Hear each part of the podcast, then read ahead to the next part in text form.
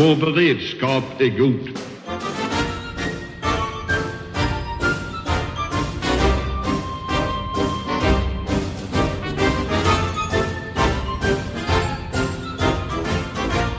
Hej och välkomna till Höjd beredskap som idag eh, har ett, ett litet specialavsnitt om eh, hur man ska klara sig när det kommer till kriser. Så vi kommer att prata om livsmedelsförsörjning och vi kommer att prata om prepping.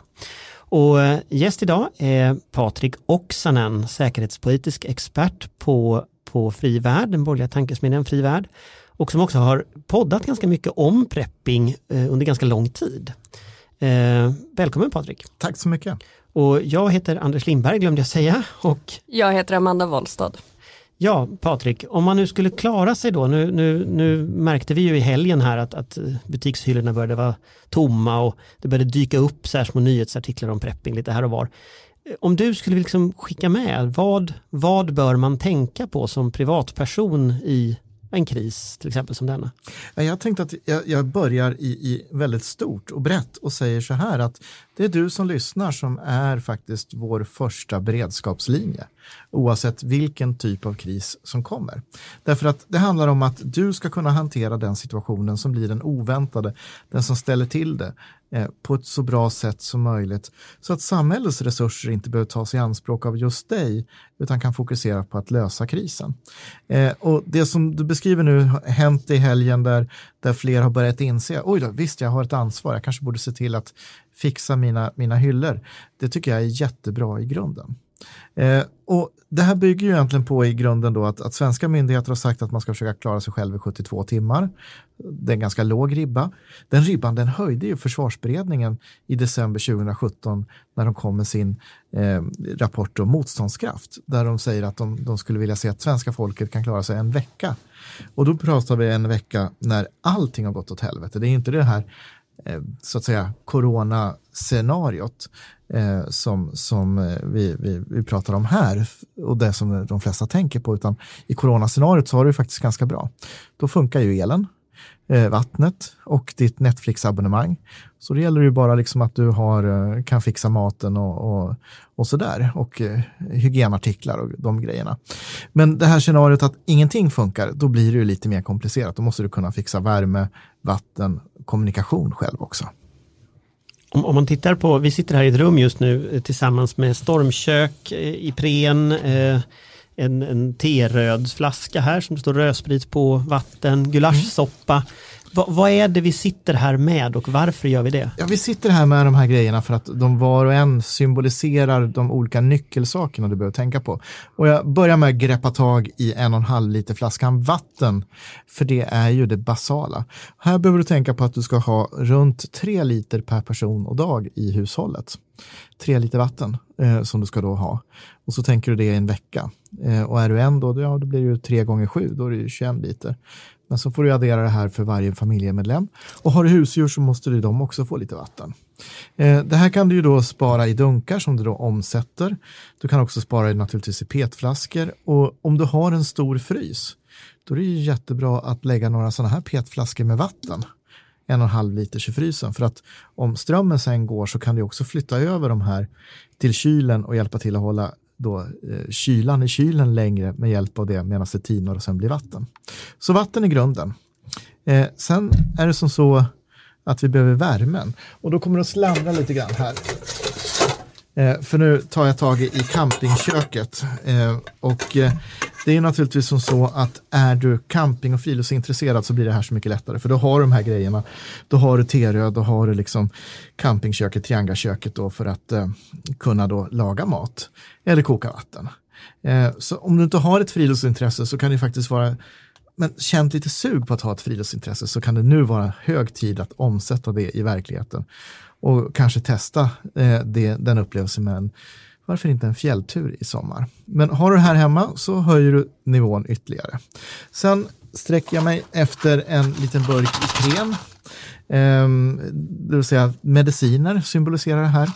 Eh, det är ju bra naturligtvis att ha febernedsättande hemma men det är också bra att se över vad du själv och din familj har för medicinbehov så att ni har de här grejerna ifall eh, ni inte kommer åt att kunna handla så att ni klarar er ett tag. Eh, sen sträcker jag mig efter lite, lite hygiengrejer. Du behöver ju hålla dig själv ren eh, och du behöver hålla din omgivning ren så att tvål, eh, diskmedel, tvättmedel är naturligtvis bra, handsprit, alldeles utmärkt, särskilt i coronatider. Eh, så det är ju viktigt bra att ha. Och sen kommer vi till maten och då prasslar det här lite pasta och eh, eh, så sträcker Anders sig efter ett värmeljus också. Värmeljus är väldigt bra att ha, håller värmen, ger ljus också om det behövs.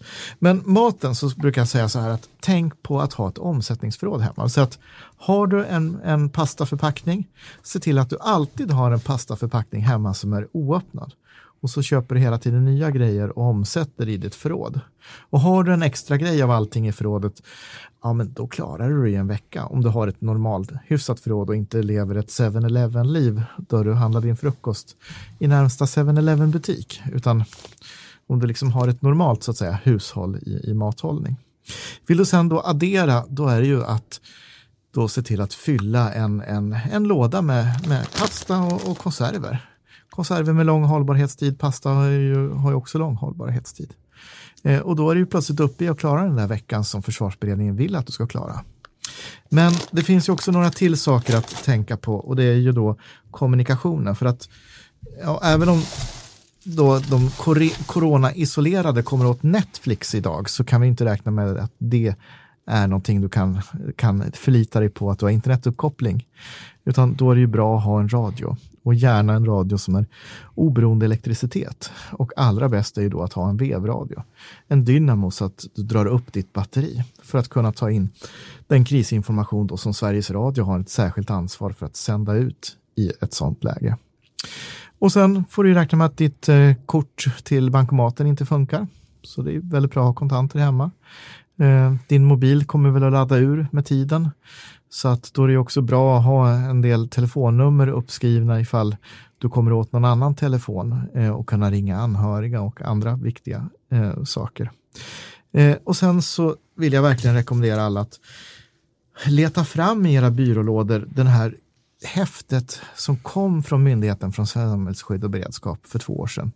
Eh, om krisen eller kriget kommer och hittar den inte så kan du gå in på din säkerhet.se och skriva ut den. Eller om du vill göra enkelt för dig så kan du googla om krisen pdf så, så kommer den att dyka upp. Eh, det är ett häfte med helt enkelt råd, tips, vad du ska tänka på om krisen eller kriget kommer. Och då finns det också i, i det här en, en eh, väldigt handgriplig checklista där du kan helt enkelt sätta dig med, med familjen och för, gå igenom så det. viftar just nu Patrik med en checklista från MSB här. Precis, helt rätt. Eh, också utskriven eh, eh, från, från nätet för detta tillfälle eftersom eh, jag har varit på resande fot och du Anders inte hittade ditt exemplar inför det här.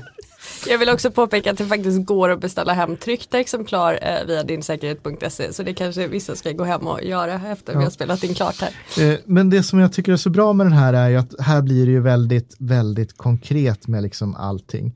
För här är det bara att titta på de här sakerna och så kryssar i det du har och så ser du vad du har för brister.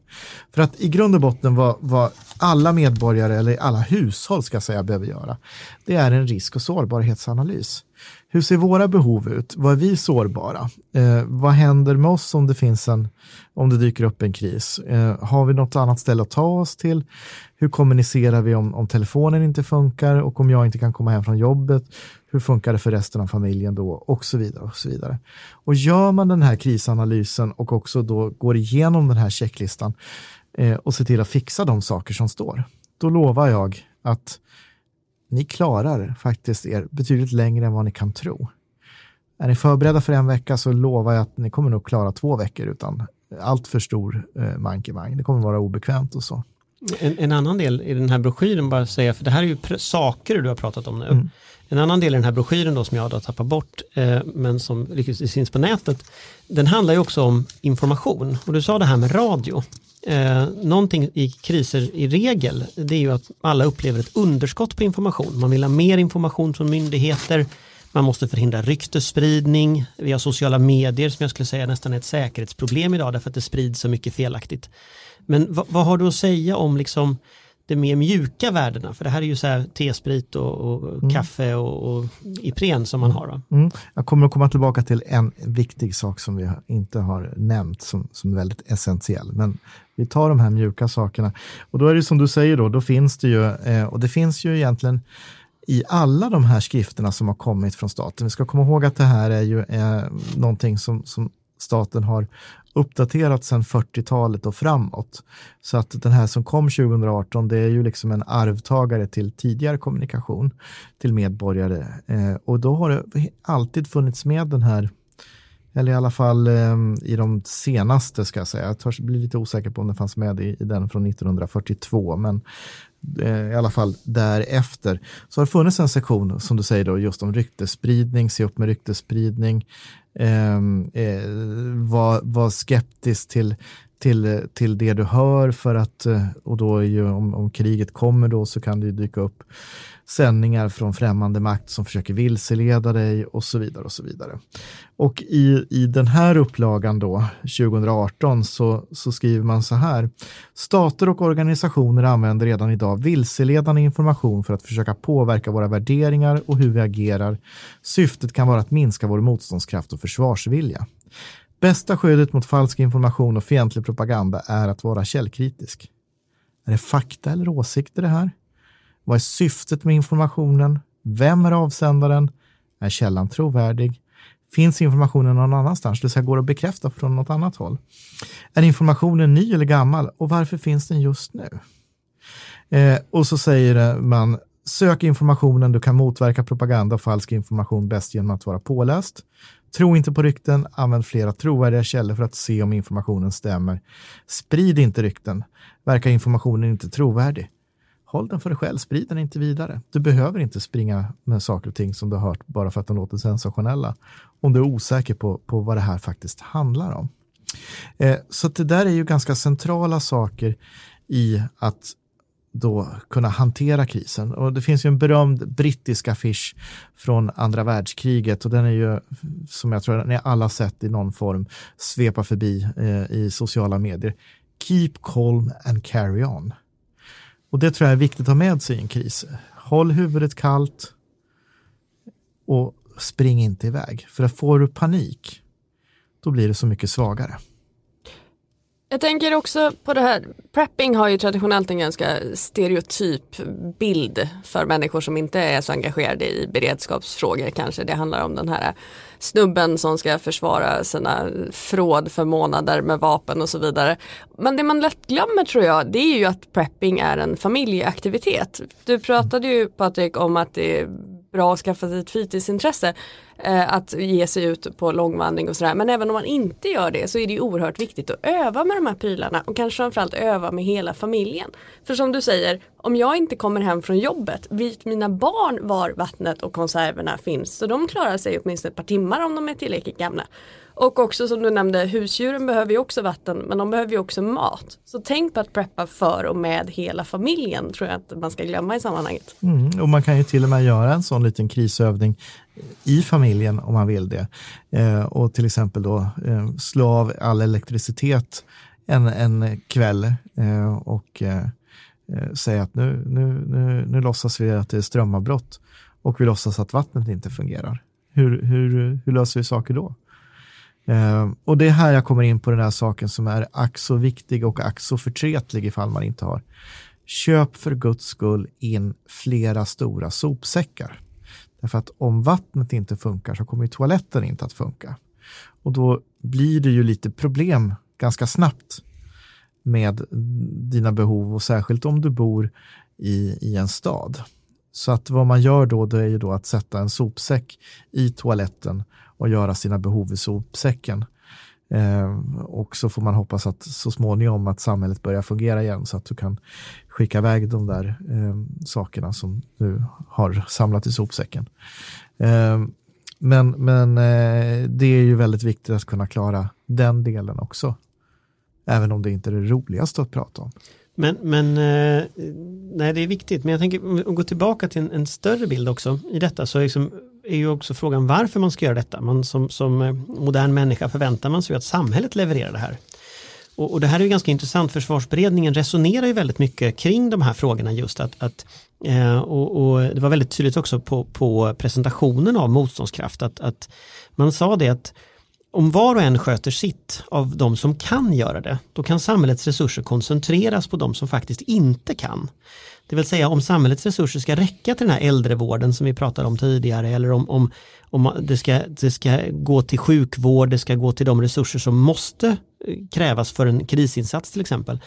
Det underlättas ju om var och en sköter sitt, om inte till exempel 1177 översvämmas av samtal eller alla människor försöker så att säga gå in i, i olika gemensamma saker. Eh, kan vara sjukvård, åka till akuten eller det kan vara att ringa till polisen eller vad det är. Utan att man faktiskt sköter sitt och låter samhället rulla på.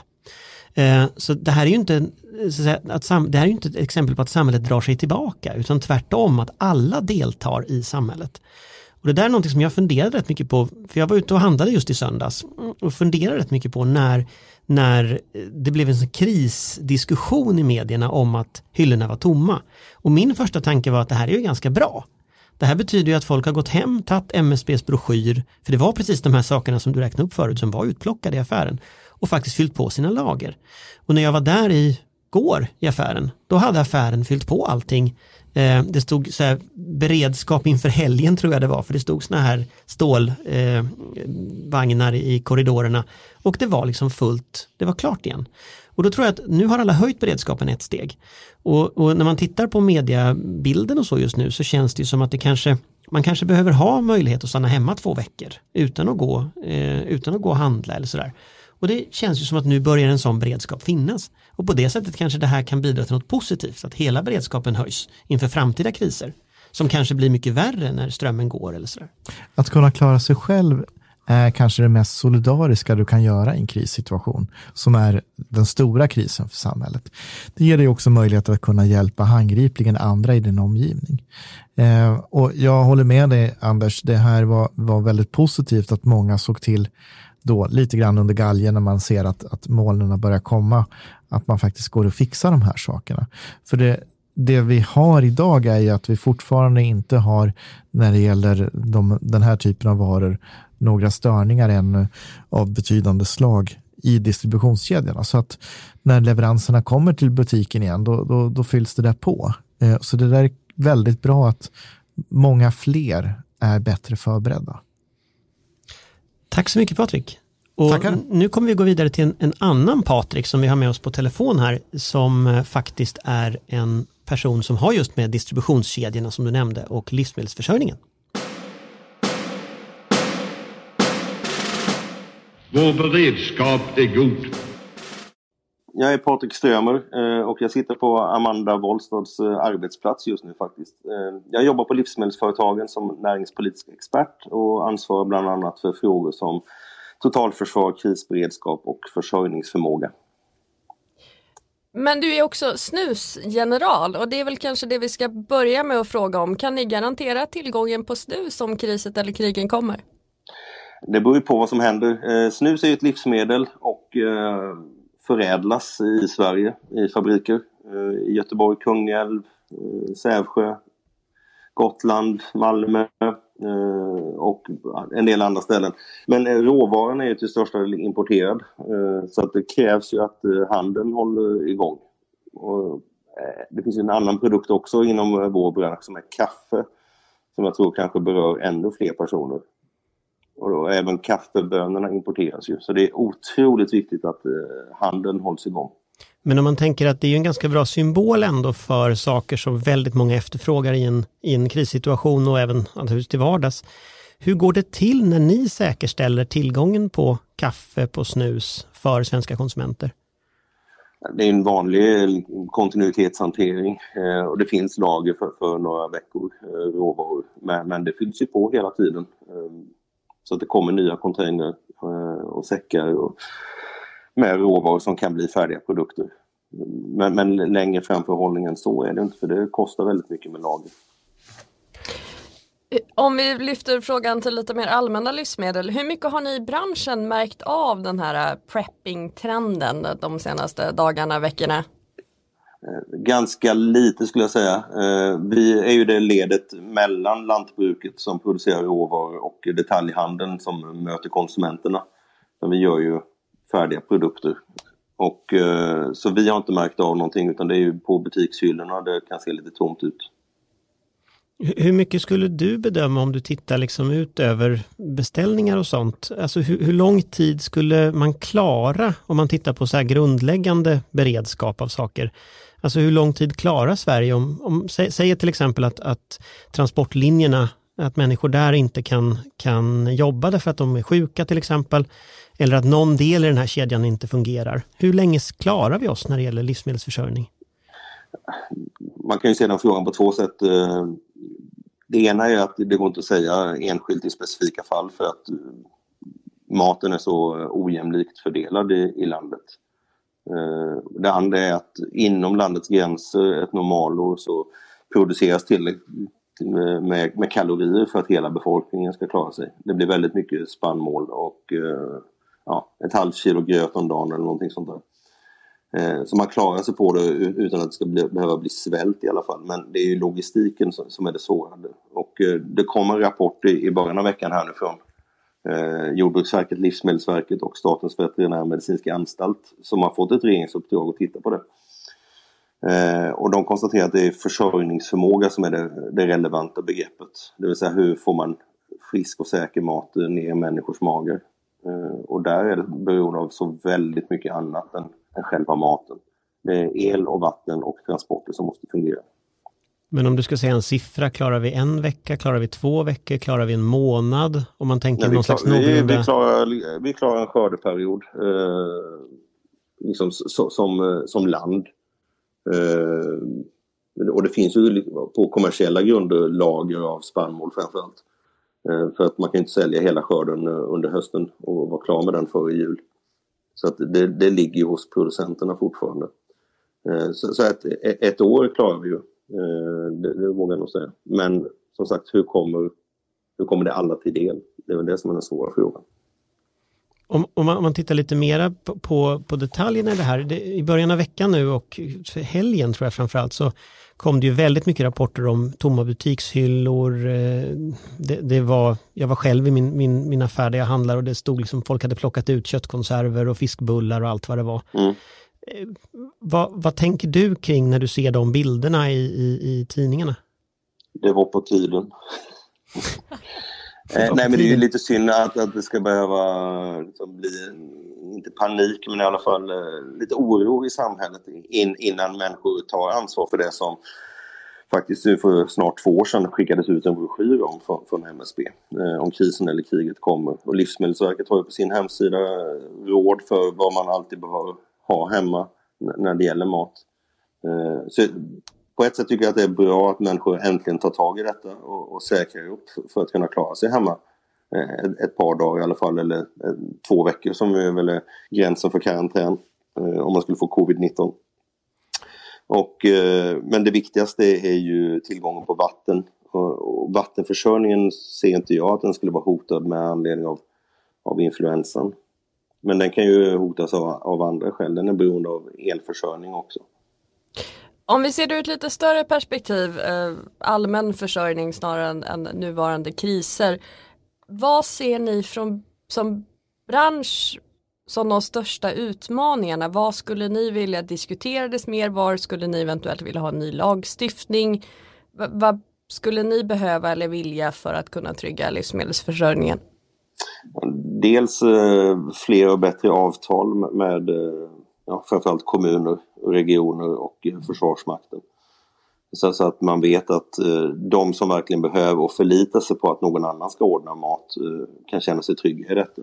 Jag är inte säker på att alla patienter som ligger på sjukhus, alla äldre som är på äldreboenden och som väl räknar med att de ska få mat varje dag, eh, faktiskt kommer kunna få det. För, för, att det inte är tillräcklig beredskap i, i kommunala sektorn. Det är det ena. Eh, det andra är ju naturligtvis eh, generellt bättre villkor för företagande i Sverige. Och eh, både för lantbruket och, och bönderna där, men även för, för tillverkningsindustrin och förädlingsledet. Så att vi har ju sagt att det, det, viktiga, eh, det är viktigt att öka svensk livsmedelsproduktion men i första hand så ska det vara för att kunna exportera högförädlade produkter under goda tider för det är där det finns lönsamhet och man kan tillföra ett värde också. Eh, vi ska inte ha en politik som eh, syftar just till egen försörjning i någon större utsträckning för det, det innebär att man riskerar väldigt mycket också eh, på den vägen.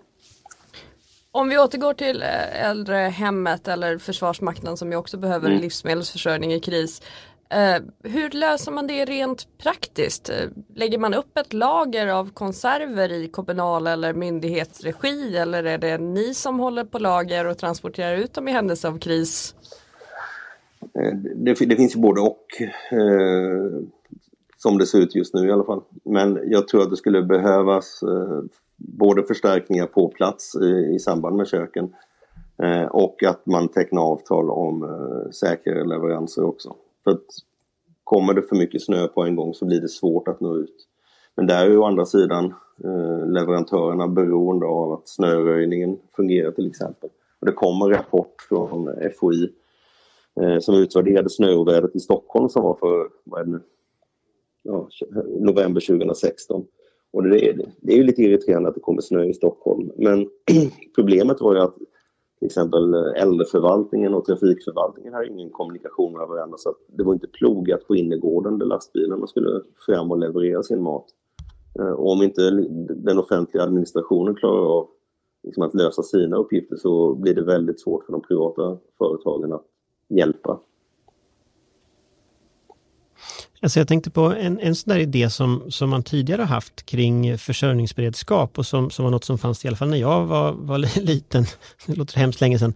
Men det var ju sådana här beredskapslager, att man mm. hade ett, ett samhällsuppdrag. Eh, och sen var det väl lite olika, olika delar av samhället, om det var företag eller om det var staten som skulle utföra det. Man hade beredskapslager av ett visst, en viss mängd kalorier för en befolkning till exempel. Jag tror det var Jordbruksverket som hade uppdraget.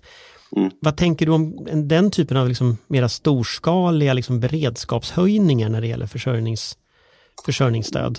Det, det verkar ju som att även den statliga utredningen om näringslivets roll i totalförsvaret är lite skeptisk till att det kommer lösa några problem egentligen. För återigen, hur kommer maten ner i människors magar? Det är den viktiga frågan som vi måste kunna svara på. Eh, och då hjälper det inte om det står 3000 ton ärtsoppa i något bergrum någonstans om det inte om inte transporterna fungerar sen. Så att, eh, men decentraliserad eh, lagerhållning eh, tror jag definitivt kan hjälpa till. Men det är en kostnad förknippad med det också. Så att ska en butik ha ett, ett större lager med kanske särskilt utvalda förnödenheter så kostar ju det pengar också. Och det, mm, antingen så får det läggas på konsumenterna som handlar i den affären eller så får det finansieras via skatten då, för att man ser det som ett samhällsansvar. Avslutningsvis, klarar du två veckor i karantän hemma? Ja, så länge vattnet fungerar så ska det inte vara några problem. Jag har lite vatten eh, på, på flaska eh, i mitt förråd också. Men sen är jag lite matnörd så jag har så allting från liksom harissa och linser och en herrans massa taxfree sprit som jag har köpt på mig på resor också. Så att jag, jag kommer att klara mig två veckor garanterat. Och hela familjen också. Det låter tryggt. Tack så mycket Patrik Ström. Tack. Vår beredskap är god. Ja, då har vi hört Patrik och Patrik. Vad säger du? Jo men det är ju intressant det de säger på många sätt. Det här är ju någonting som borde ha varit självklart för länge sedan och jag kan väl också, det har ju gnällts en del på sociala medier om att folk börjar preppa nu och att det på något sätt skulle vara osolidariskt eller egoistiskt eller men det är ju precis tvärtom. Prepping är ju en solidaritetshandling och det finns ju ingenting att vara glad över med den här uppseglande pandemin om det nu blir det men äntligen någonstans. Jo men det är lite intressant, jag, jag, tänkte på det nu när man, när man såg nyheterna börja komma, det var ju faktiskt i, i en och en halv månad sedan nu tror jag, när, när det här började komma från Kina. Eh, att det inte förrän i söndags som det här hände. Och det är ändå liksom ja, en och en halv månad eh, i, i, i tid som, som det tar innan man på något sätt reagerar på de här signalerna. Eh, och det där funderar jag lite kring, att liksom, hur bra är man egentligen på att informera om sånt här från, från samhället? Det är två år sedan man skickade ut MSBs broschyr. Liksom. Man kan ju leda hästen till vatten, man kan ju inte tvinga den att dricka. Alltså, vi, vi pratar ju ibland om att svenskar är lite fredsskadade och det är vi väl i en mening i så mån att vi är väldigt vana vid att allting fungerar. Så att även när vi får de här varningstecknen och ganska tydliga instruktioner från myndigheter så kan vi inte riktigt ta till oss att det är oss det berör. Och det var väl samma sak när varningarna om coronasmittan började komma, att det var ju så långt bort. Och det är väl egentligen först när det drabbade Italien och därmed alla sportlovsfirande familjer som man började se effekterna på riktigt i Sverige i beredskapssynpunkt. Ja, alltså jag, jag, jag, reflekterar också lite över det här med information. Jag frågade lite Patrik också hur han såg på det förut, eh, tidigare inslaget här, men, men det är väldigt tydligt att sociala medier har blivit lite av en, en så burk med maskar. Alltså det, det finns hur mycket rykten som helst, det finns så här skojiga filmer, eh, även så samhällsinstitutioner som politiker och, och, och, personer som borde veta bättre är ute och sprider rykten hej vilt. Eh, jag, jag tänker lite att, att att om, om en motståndare till Sverige skulle titta på Sverige just nu, då tror jag att det man skulle se var väldigt mycket svagheter just i informationshanteringen. Eh, och, och, just det här att beslutsfattare inte verkar hålla ihop, eh, det tror jag faktiskt är jättefarligt. Och det tror jag är en sån här varningssignal som man måste ta med sig till liksom framtiden från, från det här händelseförloppet. Att att en, i en krissituation så skulle ju en angripare utnyttja precis de svagheterna som den där typen av liksom ryktespridning och så är. Ja det tror jag absolut och det, nu är vi ju mitt uppe i det och förhoppningsvis så klarar vi oss väl ur det någorlunda intakta. Men sen så kommer det ju ta vid en, en eh, utvärderingsprocess och då tror jag att eh, våra makthavare, inte minst även till viss del media, kommer behöva gå igenom men hur hanterar vi det här egentligen? Eh, partierna kanske måste diskutera. Nu hade de ju en stor eh, totalförsvarsövning i riksdagen igår och det är väl utmärkt. Eh, men man kanske behöver vara ännu mer av den typen av övningar och, och diskutera just informationsspridning och hur man hanterar en kris. För det är klart, det här är ju illa nog men, men i liksom en gråzonssituation när, när det faktiskt finns en utländsk makt som vill oss illa som du säger. Eh, då är det ju fullständigt katastrofalt om inte riksdagen och kommunerna kan hålla ihop och visa en enad front. Nej, och det här är ju något som brukar betonas som en svensk superkraft, att man faktiskt har förtroende för myndigheter, man, man litar på, på beslutsfattare och det i sin tur gör att man gemensamt kan agera mot ett hot av något slag. Så att jag tror att kanske i alla fall en av de sakerna jag tar med mig än så länge av den här krishanteringen det är att just informationsområdet måste utvärderas. Jag hoppas att eh, FOI eller någon gör det och tittar på hur fungerade informationsspridningen både från, från myndigheternas sida men sen också hur sociala medier påverkat. Eh, för där tror jag att vi har det har ju varit sociala medier vid tidigare kriser men jag, jag tycker ändå det här har varit mera så det har präglats mera av ryktespridning och sådana saker på sociala medier. Och till exempel så har ju general, eh, vad är nu, chefen, Anders Tegnell, eh, chefsepidemiolog, ah, jag kan inte uttala det här ens, eh, har ju blivit utsatt för en, liksom en kampanj i sociala medier. Eh, och det är ju ett problem för då hamnar ju så en tjänsteman, som inte ens är politiker, men en tjänsteman i fokus för liksom så här trollattacker och sådana där saker. Eh, Eh, och det är klart att då ägnar han sig säkert en del av tankekraften i alla fall åt det istället för att hantera en kris. Och det här funderar jag på, liksom hur, det, här, det här blir en ny erfarenhet tror jag för, för krishanteringen på något sätt. Hur hanterar man det i framtiden? Och jag tror också att, att det handlar inte så mycket om med, myndigheternas kommunikation och sociala medier utan det, det, är, det är en och samma. Därför att det är väl det som är så tydligt att myndigheter jobbar med en informationsspridning som man gjorde för 10-15 år sedan men så ser inte informationsarenan ut idag. Eh, det räcker inte med att ha presskonferenser där liksom de stora nyhetsmedierna står. Man måste finnas på sociala medier, kanske inte att liksom bemöta allt men ändå vara en tydlig närvaro. Och det har vi ju sett, jag tänker på, på Erik Lagersten som var Försvarsmaktens informationsdirektör för ett antal år sedan som var otroligt närvarande på sociala medier. Alltid fanns där och svarade på frågor och informerade. Men när han slutade så försvann det därför att det var han som person och inte myndigheten eller rollen i sig. Och det tycker jag man kan se, det finns ju andra också som försöker vara behjälpliga. Eh, Agnes Wold eh, försöker ju vara med och diskutera på, på sociala medier och får visserligen en del skit för det. Men, men hon är där och det tror jag är en väldigt lugnande kraft. Men det behöver på något sätt institutionaliseras så att, att det är myndigheterna som har den rollen. Och att de finns där folk är och är oroliga. Därför att det räcker inte längre att informera sig med eh, sju nyheterna varje kväll. Och sen har jag också försökt tänka tillbaka, för svininfluensan var väl den senaste sån här stora hälsoscaren. Och då fanns ju i och för sig sociala medier men inte alls på samma sätt. Och vad jag minns då så var det väldigt mycket mer närvarande i det offentliga rummet. Alltså då pluggade jag på universitetet och på universitetstoaletterna så var det informationsanslagstavlor och det fanns handsprit överallt. Eh, det tycker jag inte är nu i alla fall man märker alls lika mycket av här. Däremot så är det här dominerar fullständigt sociala medier, ryktesspridningen och så. Så att någonting har verkligen hänt under de åren. Nej, men det är verkligen frågan hur man moderniserar, för jag tror en del av det jag tänker på en sån här som Hans Rosling till exempel. Mm. Han hade behövts nu. Ja, alltså verkligen. den typen av person som kliver in och säger så här är det och som man har förtroende för. Och det måste man nog öva när det inte är kris. Och det är en sån gammal klassiker att det man inte har övat i, i, i kris, det funkar heller inte i kris. Och, just informationsspridningen mot sociala medier och att få det här att funka, det tror jag blir en sån nyckelgrej. Att, att, att hitta en ny Hans Rosling kanske, eller hitta liksom personer som man har byggt upp förtroendet för. Eh, när det inte är kris. Och det hade behövts den typen av personer nu som hade kunnat gå ut och säga så här är det. Eh, jag tänker på de här presskonferenserna jag har sett de senaste dagarna när det är fyra, fem, sju personer på pressträffarna. Att det där, det där är nog ett gammalt sätt att kommunicera på Eh, i en, en, ny informationsarena. Och det måste man nog tänka om.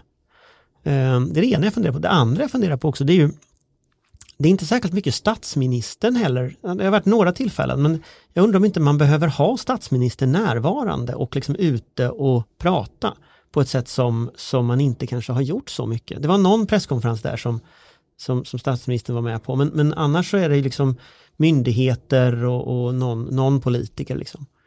Jag tänker också på att man kanske inte i dagens läge på samma sätt kan förvänta sig att folk litar på myndigheten bara för att de är myndigheter att vi behöver nya Hans Rosling men vi behöver också kanske myndigheter som folk har en relation till även mellan kriserna. Um, så att man vet vilka de är och, och även deras företrädare och har, har, någon form av relation och känsla för deras arbete innan de behöver gå ut och, och lugna ner och övertyga. Men det är väl det, är väl det övergripande över det här. Alltså, på så sätt är det ju här väldigt bra för vi ser vad vi behöver öva på. Om vi klarar oss någorlunda helskinnade ur detta så kommer det ju vara en oerhört pedagogisk liksom, gåva på det viset. Och det handlar om allt från kommunikation till som sagt att folk förstår att de börjar preppa och även att man måste öva preppet. Alltså det handlar ju allting från att man måste öva hemma i familjen till att, att staten behöver öva hur man kommunicerar. Uh, det, det och det som Patrik Stömer pratar om också med näringslivets roll i detta. Att det här är ju inte bara staten heller, det här är ju också hela samhället. Uh, och det är väl det som jag egentligen tänker, ja det kanske är A och O, att liksom det är den personliga beredskapen, det är diskutera samhället och näringslivet. Det får bli en diskussion till senare, mm. när krisen är över. Men vad som i alla fall är någonting vi kan göra nu, det är att om var och en gör de här prepper-sakerna som Patrik också sa förut, och liksom har den här beredskapen att klara sig två veckor själv, då gör man sitt till samhällets krishantering. Och det är väl det kanske viktiga medskicket. Jag tror det. Eh, och jag tror också att, att eh, ansvariga, för det har ju också varit det finns ju äldreboenden och så vidare som har börjat planera för en krismeny och äter någon konservmål i veckan för att hålla igång reserven. Och så. Det är ju fantastiskt. Men det är också beroende av enskilda eldsjälar. Eh, och det är ju jättebra för de som bor på just det boendet men alla andra då. Så att där behöver vi också börja titta på. Jag tänker på när, när, när sjukvårdsmaterialet tog slut och det blev stabsläge för några månader sedan runt om i, i Mellansverige. Då var det ju ett sjukhus där det inte blev det och det var ju Akademiska Uppsala. Det var ju för att en medarbetare hade bestämt sig för att minsann hålla lagren eh, i ordning. Och det kanske är så att var och en av oss måste bli den där medarbetaren, var vi än är. Ja, och få möjlighet att, att göra det också för att eh, det funkar ju bara så länge man inte blir aktivt motarbetad av, av chefer som vill att man ska ha den där just in time logistiken. Sen tror jag också på en lite annan nivå, men, men jag tror det är jätteviktigt att förbereda sig mentalt för en kris. Det har vi inte pratat så mycket om, men eh, öva med ungarna så de vet hur de ska bete sig men fundera också igenom hur man Eh, jag tänker på det, de här eh, människorna som blir isolerade på hotell i två veckor med sina barn på ett hotellrum och nu har de väl i och för sig Netflix men, men det kan ju inte vara det lättaste ändå. Om strömmen går och man inte ens har tv-spel att sysselsätta ungarna med i två veckor i en liten lägenhet i stan. Det kan vara bra att tänka igenom det också faktiskt införskaffa några brädspel och lite böcker och, och tänka ut lite lekar och sådär för att annars tror jag det kommer bli väldigt jobbigt väldigt fort. Så, så förbered även mentalt för isolering, för en enkel livsstil, för att tvingas leva ovanpå andra människor. Herregud. jag har ju inte barn så att jag klarar mig än så länge. Men... ja, okej. Okay. Ja, nej, men vi tackar väl för oss eh, härifrån. Eh... Ja, det tycker jag. Gå hem nu och se över fråden medan tid finnes. Hej, hej. Hej.